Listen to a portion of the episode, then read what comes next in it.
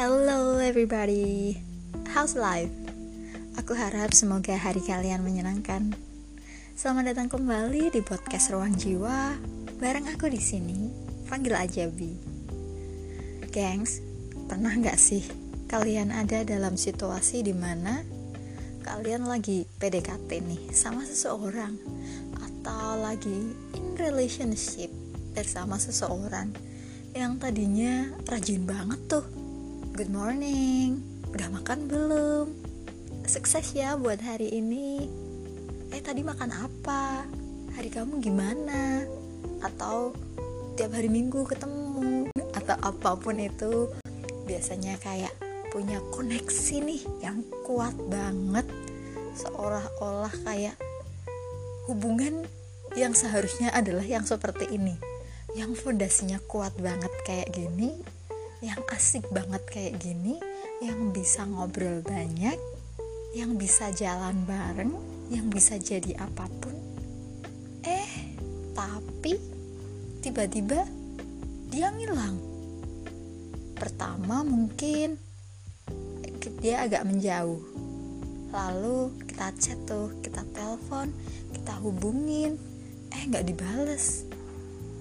Lama kelamaan eh dia ngilang beneran loh.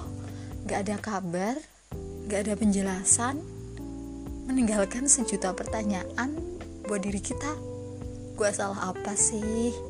Eh dia kenapa? Eh ada apa? Udah dianya pergi tanpa penjelasan. Bikin kita galau. Mana media sosial di blacklist semua diblokir semua.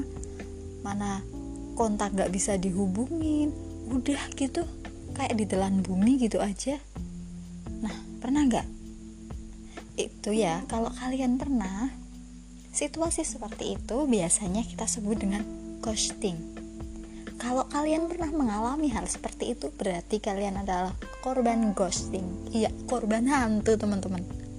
Kok bisa sih? Iya, kayak namanya. Karena cuman hantu, teman-teman, yang bisa berevaporasi ke udara, menguap gitu aja, menghilang tanpa penjelasan, meninggalkan sejuta pertanyaan. Gimana teman-teman rasanya ada di situasi itu? Aduh, sakit ya bingung juga karena kita seringnya kita nggak ngerti salah kita apa sih apa sih alasan dia melakukan hal itu kayaknya nggak ada masalah deh. Nothing wrong with you and him or her. Tapi ya udah semuanya terjadi gitu aja. Nah hal itu memang sering terjadi teman-teman. Menurut survei nih lebih dari 25% orang itu pernah mengalami ghosting atau pernah di ghosting teman-teman. Kalau kalian yang mana? Korban atau pelaku nih aduh jangan jadi pelakunya ya. Karena nggak enak banget jadi korban ghosting. Percaya deh karma itu ada. Kalau nggak sekarang bisa jadi nanti. Uh, basically sih jangan sampai kita menyakiti perasaan seseorang. Itu yang harus kita jaga. Karena ya kalau kita disakiti aja kita kan nggak mau ya. Jadi kita harus berusaha untuk tetap menjaga perasaan orang lain juga sembari kita menjaga perasaan diri kita sendiri oke ghosting ghosting adalah situasi ketika seseorang nih memutuskan hubungan dengan cara menghentikan seluruh komunikasi secara tiba-tiba dan tanpa penjelasan gengs yes itu dia ghosting korban ghosting, ayo sini merapat. Hari ini kita akan belajar how to deal when someone ghosting you. Aduh, berhenti baper. Saatnya kita belajar untuk menghadapi kenyataan ketika kita ada dalam situasi ghosting. Jangan sampai kita terpuruk hanya karena kita terus bertanya-tanya. Salahku apa? Kenapa gini? aduh padahal udah nyaman banget kenapa sih dia melakukan seperti itu atau dia lagi apa sih dia kenapa sih jangan-jangan ada sesuatu hal buruk terjadi nggak teman-teman pelaku ghosting.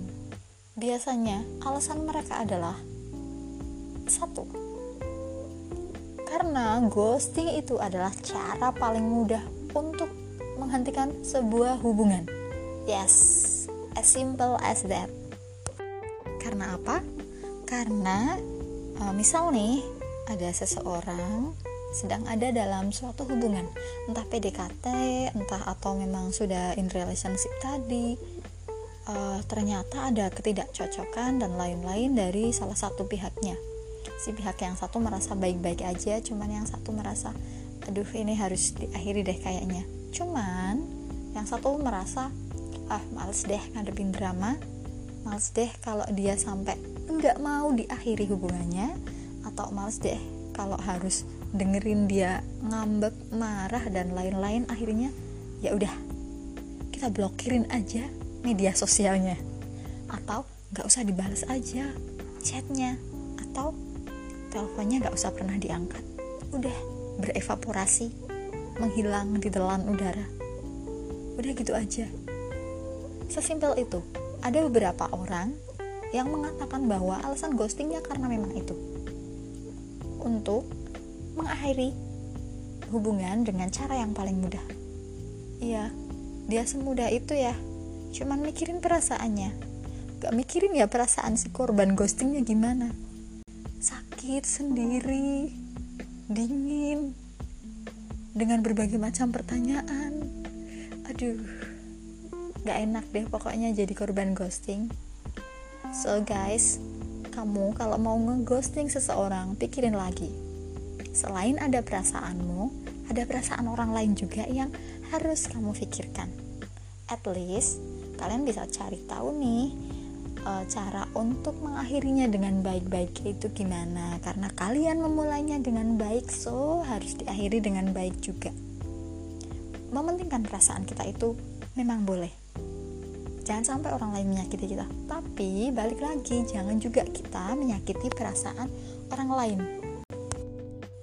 Selanjutnya nih, dari berbagai survei juga, alasan kedua kenapa seseorang memutuskan untuk melakukan ghosting adalah karena attraction. Rasa ketertarikan di sini sudah mulai berkurang. Dari yang pertama mungkin uh, merasa asik, merasa nyambung, nyaman, makin hari ke hari ketika uh, person in person ketika waktu berlalu terus berjalan eh ternyata ketertarikan tadi itu yang mungkin biasanya dibangun melalui media sosial by phone, chat dan lain-lain ternyata tidak setertarik itu, tidak sekuat itu koneksinya ketika in person guys. Makanya orang-orang ini memilih untuk ya udahlah ya udah nggak tertarik. Eh ternyata gini doang rasanya. Ya udah udahan aja deh. Nah biasanya ini terjadi di awal hubungan ketika mulai PDKT dan lain-lain. Jadi karena merasa ya udahlah ya belum in relationship juga tinggalin aja lah. Daripada ribet nggak ada juga tanggung jawab untuk ngasih penjelasan sama dia. So what? Pergi ya pergi aja. Gitu. Memang gitu teman-teman. Sesimpel itu alasan orang. Oke kita nggak bisa menyalahkan alasan orang untuk apa dia melakukan itu. Karena kita nggak hidup di sisi itu. Tapi ya kita coba berpikir untuk wise aja nih. Ketika suatu saat kita ada di posisi itu yang memungkinkan kita untuk menjadi pelaku ghosting itu kita pikirin lagi. Ini nggak cuma tentang kamu ini tentang perasaan orang lain juga. Ini ada harga diri orang lain juga kamu pergi tiba-tiba ada orang yang merasa unvaluable. Kamu harus tahu itu. Atau alasan lainnya adalah biasanya karena adanya negatif interaction. Yes interaksi negatif. Jadi dalam sebuah hubungan itu case ghosting ini nggak cuma terjadi di hubungan romantis ya teman-teman. Tapi juga bisa terjadi dalam konteks pertemanan sesama kenalan dan lain-lain itu bisa disebut ghosting juga. Kamu di ghosting sama temen itu juga bisa. Mungkin temen yang utang itu bisa kita sebut ghosting gak ya? Lupakan deh soal itu. Jadi dalam hubungan itu ketika sudah terbangun interaksi yang kurang baik, negatif, adanya toxicity di situ, adanya rasa kemarahan di antara hubungan itu atau bahkan uh, depresi dan lain-lain itu akan membuat seseorang juga memilih untuk ya udahlah ya ini nggak baik ini nggak enak. Entah itu dari siapa pun penyebabnya di antara dua orang itu akhirnya salah satunya memutuskan untuk ya udah ini end deh buat gue gue akhiri sampai di sini aja dan karena ini udah nggak enak banget dipenuhi dengan toxicity marah anger uh, depresi dan lain-lain makanya gue caw gak perlu gue ngomong apa-apa. Cukup sudah. Mungkin seperti itu. Nah terus selain itu ya alasan orang lain kenapa dia melakukan ghosting sama kita. Itu bisa jadi karena sebagai wujud perlindungan diri teman-teman. Misal nih uh, kita lagi melakukan sebuah pendekatan hubungan atau dekat dengan siapa pun itu lalu dalam hubungan itu kita merasa bahwa dengan hubungan itu itu akan membahayakan diri kita. Atau membuat kita melakukan hal-hal yang kurang baik, kurang pantas, atau kita berpikir dalam hubungan itu ternyata hubungan itu tidak menyehatkan mental kita. Akhirnya kita memilih untuk oke okay, ini nggak baik, pergi aja tanpa melakukan penjelasan apa pun. Nah, itu dia beberapa alasan yang rata-rata terjadi dan diakui oleh para pelaku ghosting. Kalau untuk tahap PDKT pacaran gitu mungkin alasan pertama dan kedua ya yang paling mendominasi yaitu itu cara paling mudah mengakhiri hubungan dan hilangnya ketertarikan. Namun penyebab yang ketiga dan keempat ini juga bisa terjadi ya. Kita nggak pernah menyalahkan cara pandang orang karena kita nggak pernah hidup dengan cara pandang itu. Tapi sekali lagi kayak yang aku bilang kita harus juga pikirkan perasaan orang lain coba deh ngaku yang jadi korban ghosting. Sakitnya kayak apa? Nah itu dia. Tapi ketika kita sudah ada dalam situasi tersebut ghosting itu sudah terjadi. Akun media sosial kita udah diblokin semua tuh. Chat kita juga udah nggak direspon sama sekali. Telepon kita juga udah kita kayak uh, itu ya si call centernya pinjaman online gitu yang telepon telepon nggak pernah diangkat gitu. Aduh. Jangan sampai ya. Kalau udah kayak gitu apa sih yang mesti kita lakukan? Karena nggak mungkin kita terus menerus larut dalam keadaan itu. Makin kita larut makin kita akan terpuruk. So guys, buat kalian yang sedang mengalami ghosting atau untuk jaga-jaga, barangkali ke depannya kalian akan mengalami tragedi ghosting, aku punya beberapa saran nih ketika kita sedang dalam situasi seperti ini. Yang pertama adalah let's try to face the reality guys. Ya guys, hadapin kenyataan bahwa ini memang sudah terjadi. Bahwa kalian memang di ghosting. Udah. Gitu aja. Dan yang harus kalian lakukan adalah move on enak banget yang ngucapinnya. Move on gitu aja. Padahal sulit. Ya itu lumrah. Semua butuh proses. It's okay. Selagi kalian berusaha it's okay. Meskipun slow yang penting ada usahanya.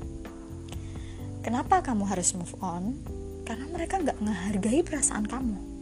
Karena dia nggak menghargai perasaan kamu. So, daripada kamu mempertanyakan dirimu, mendingan move on. Untuk apa?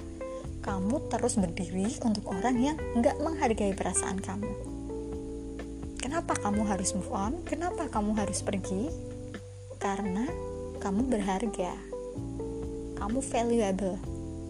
Jadi, kamu nggak pantas diperlakukan seperti itu.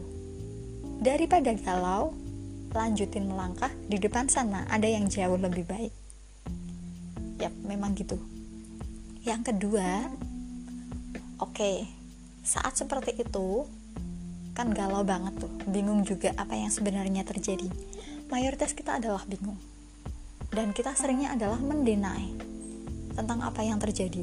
Kita seringnya mikir oh it's okay mungkin dia lagi sibuk. It's okay mungkin dia hanya sekedar butuh waktu dengan dirinya sendiri. Atau jangan-jangan dia nggak baik-baik aja. It's okay it's okay it's okay dengan segala denialnya kita itu tapi jangan terus-terusan seperti itu jangan terus mendenai selain tadi yang pertama kita memang harus menghadapi kenyataan bahwa itu sudah terjadi bahwa kamu adalah korban ghosting. Maka yang kedua adalah it's okay izinkan dirimu untuk merasakan segala macam kegundahan itu kesedihan itu uh, kemarahan itu kekecewaan itu. It's okay to feel that. Gak apa-apa kalau kamu memang mau nangis ya udah nangis aja. Kalau mau sedih sebentar nggak apa-apa sedih aja. Beri waktu untuk dirimu untuk merasakan itu. Wajar. Kita manusia kita punya perasaan. Ketika kita tersakiti maka pantas. Wajar kita merasa sedih. Kita merasa terkadang mencoba ingin apa ya tidak bisa menerima itu mendenai itu. Nggak apa-apa izinkan diri kamu. Sedih ya sedih aja nggak apa-apa sebentar. Memang hidup itu gitu ada kalanya kita nangis ada kalanya kita sedih ada kalanya kita kecewa ada kalanya ya seperti itu. Hidup memang seperti itu. Yang penting jangan lama. Jangan kelamaan kamu seperti itu. Setelah itu apa? Lepaskan rasa obsesifmu bahwa hubungan itu harus tetap berjalan. Rasa obsesif bahwa harusnya gini nih harusnya nggak gini nih nggak lepaskan itu. Semua sudah terjadi. Bahwa hidupmu harus terus berlanjut. Oke dan obati dirimu. Kalau kamu udah uh, habis dengan waktumu tadi untuk merasakan segala macam perasaan gak enak itu setelah itu obati dirimu Obatnya apa sih? Obatnya adalah self love. Cintai diri kamu. Di balik rasa cintamu sama orang lain, rasa hormatmu sama orang lain, kamu juga harus menghormati dirimu sendiri. Kamu juga harus mencintai dirimu sendiri. Perasaan orang lain penting, perasaan kamu juga penting. Apalagi di sini konteksnya adalah kamu yang tersakiti. So, selamatkan dirimu. And then yang ketiga adalah ketika kamu dalam situasi menjadi korban ghosting adalah berhenti salahin diri kamu sendiri. Oke, aku ulangi lagi. Berhenti salahin diri kamu sendiri. Kenapa harus berhenti salahin diri kamu sendiri? Karena biasanya kita terus bertanya-tanya dengan kepergian si pelaku ghosting itu dengan berevaporasinya dia yang menghilang tiba-tiba tanpa pesan apa pun, tanpa penjelasan apa pun, terkadang seringnya membuat kita bertanya-tanya, salahku apa sih? Aku kemarin bikin salah apa? Eh, aku kurangnya apa sih? Eh, kenapa sih? Gitu, seolah-olah justru uh, tidak dititik beratkan kepada si pelaku tapi justru melihat diri kita menyalahkan diri kita. Seolah-olah kita adalah penyebab kenapa dia pergi tiba-tiba. Itu wajar. Rata-rata orang mengalami itu ketika dia sedang jadi korban ghosting merasakan semua itu. Yang pertama adalah jangan biarkan sikap orang lain itu mengurangi harga diri kamu self esteemmu jangan biarkan itu terjadi. Dia yang nyakitin kamu. Jangan biarkan justru kamu menyalahkan dirimu padahal dia kan yang menyakitin kamu. Dan yang kedua ya udahlah ya jangan ambil pusing. Life must go on. Dia pergi ya udah. Ngapain nyalahin diri kamu sendiri? Konteksnya kamu yang tersakiti.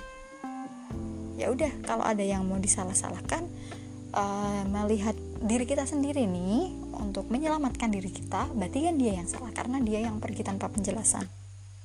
Kan pasti kita juga akan mengerti atau berusaha mengerti jika setidaknya dia mau ngasih penjelasan tentang kenapa tentang apa yang terjadi lalu bagaimana solusinya. Dalam situasi seperti ini yang harus kamu ingat adalah it's not about you. Ini memang tentang dia yang sengaja pergi ninggalin kamu tanpa mau memberi penjelasan apa pun. Murni tentang dia dan dirinya sendiri. Lagi pula, kita memang tidak akan pernah bisa memaksa orang lain untuk menyukai kita. Kita tidak akan pernah bisa membuat mereka membalas perasaan kita sama dengan yang kita berikan memberikan frekuensi yang sama kepada kita seperti yang kita berikan. Kita tidak akan pernah bisa memaksa untuk urusan perasaan tersebut. Jadi, belajarlah mengikhlaskan. Yang selanjutnya yang harus kamu lakukan ketika kamu sedang menjadi korban ghosting adalah no contact. Kita sama-sama memahami dalam situasi seperti ini, pasti banyak sekali pertanyaan-pertanyaan dalam benak kita. Kenapa dia melakukan hal tersebut? Kenapa harus dengan cara seperti ini? Jika kita ada salah, kenapa tidak dibicarakan saja? Lalu berbagai macam pertanyaan lain. Namun, hentikan dirimu jika yang ingin kamu lakukan adalah menerornya dengan segala macam pertanyaan dalam benakmu itu. Tidak perlu kamu menanyakan kenapa. Tidak perlu pula kamu tanyakan apa yang terjadi dengan dia. Cukup diam di situ.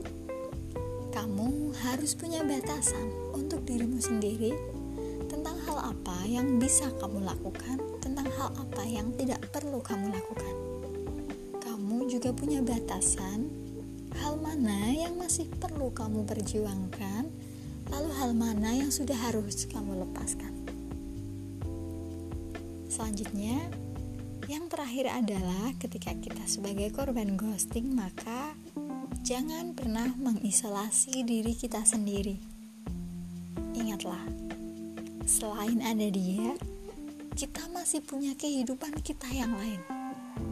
Kembalilah ke kehidupanmu. Kamu masih punya teman-temanmu, kamu masih punya keluargamu, kembalilah pada mereka, hang out bareng teman-teman kamu, habiskan waktu menyenangkan bersama keluargamu, atau lakukan hobimu yang selama ini sempat tertunda untuk tidak kamu lakukan. Lakukan hal-hal menyenangkan yang mana itu adalah passion kamu. Lagi pula, untuk apa kamu hanya memikirkan tentang dia? dia hanya sedikit bagian dari luasnya hidupmu yang menyenangkan. Berhenti menjadikan dia sebagai prioritas dalam pikiranmu. Sementara kamu hanya sebuah pilihan. You have an option to be not their option. Sementara di posisi seperti ini, dia tidak memilih kamu. Dia memilih pergi tanpa memberikan penjelasan apa pun. So, lanjutkan hidup kamu.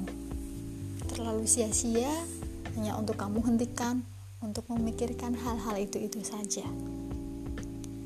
Dan jika konteksnya ghosting ini adalah sebuah hubungan romantis, maka jangan sampai kamu terburu-buru untuk menjalin hubungan yang baru. Beristirahatlah. Beri dirimu waktu. Jangan sampai hal yang sama terulang lagi hanya karena kamu terlalu terburu-buru. Lagi pula, untuk apa kamu buru-buru? Nikmati saja kamu dan dirimu. Senangkan dirimu. Beri dirimu waktu. Dan yang terakhir, jika dalam dirimu masih ada kemarahan untuk dia yang mengghosting kamu, yang bisa kamu lakukan adalah lakukan self improvement. Tunjukkan pada dia bahwa kamu tak layak untuk dijadikan sebagai korban ghostingnya. Buat dirimu makin bersinar dari hari ke hari, buat dirimu jadi pribadi yang lebih menarik lagi. Dan jangan semata-mata lakukan hanya untuk dia. Lakukan untuk dirimu sendiri. Self improvement ini, apa pun alasannya, pada akhirnya akan sangat berguna untuk dirimu sendiri, karena ini adalah suatu proses bagi dirimu untuk menjadikanmu menjadi pribadi yang lebih baik lagi, untuk menjadikanmu sebagai versi terbaik dari dirimu sendiri. Namun, jangan semata-mata ini kamu lakukan hanya karena dia saja. hanya semata-mata karena kamu menjadi korban ghosting. Jadikan self improvement ini adalah sebagai kebutuhan dari dirimu sendiri bahwa kamu memang menginginkan dirimu untuk menjadi pribadi yang lebih baik lagi. Lagi pula, tidak akan pernah ada orang lain yang akan mencintai kita jika kita tidak pernah bisa mencintai diri kita sendiri seutuhnya.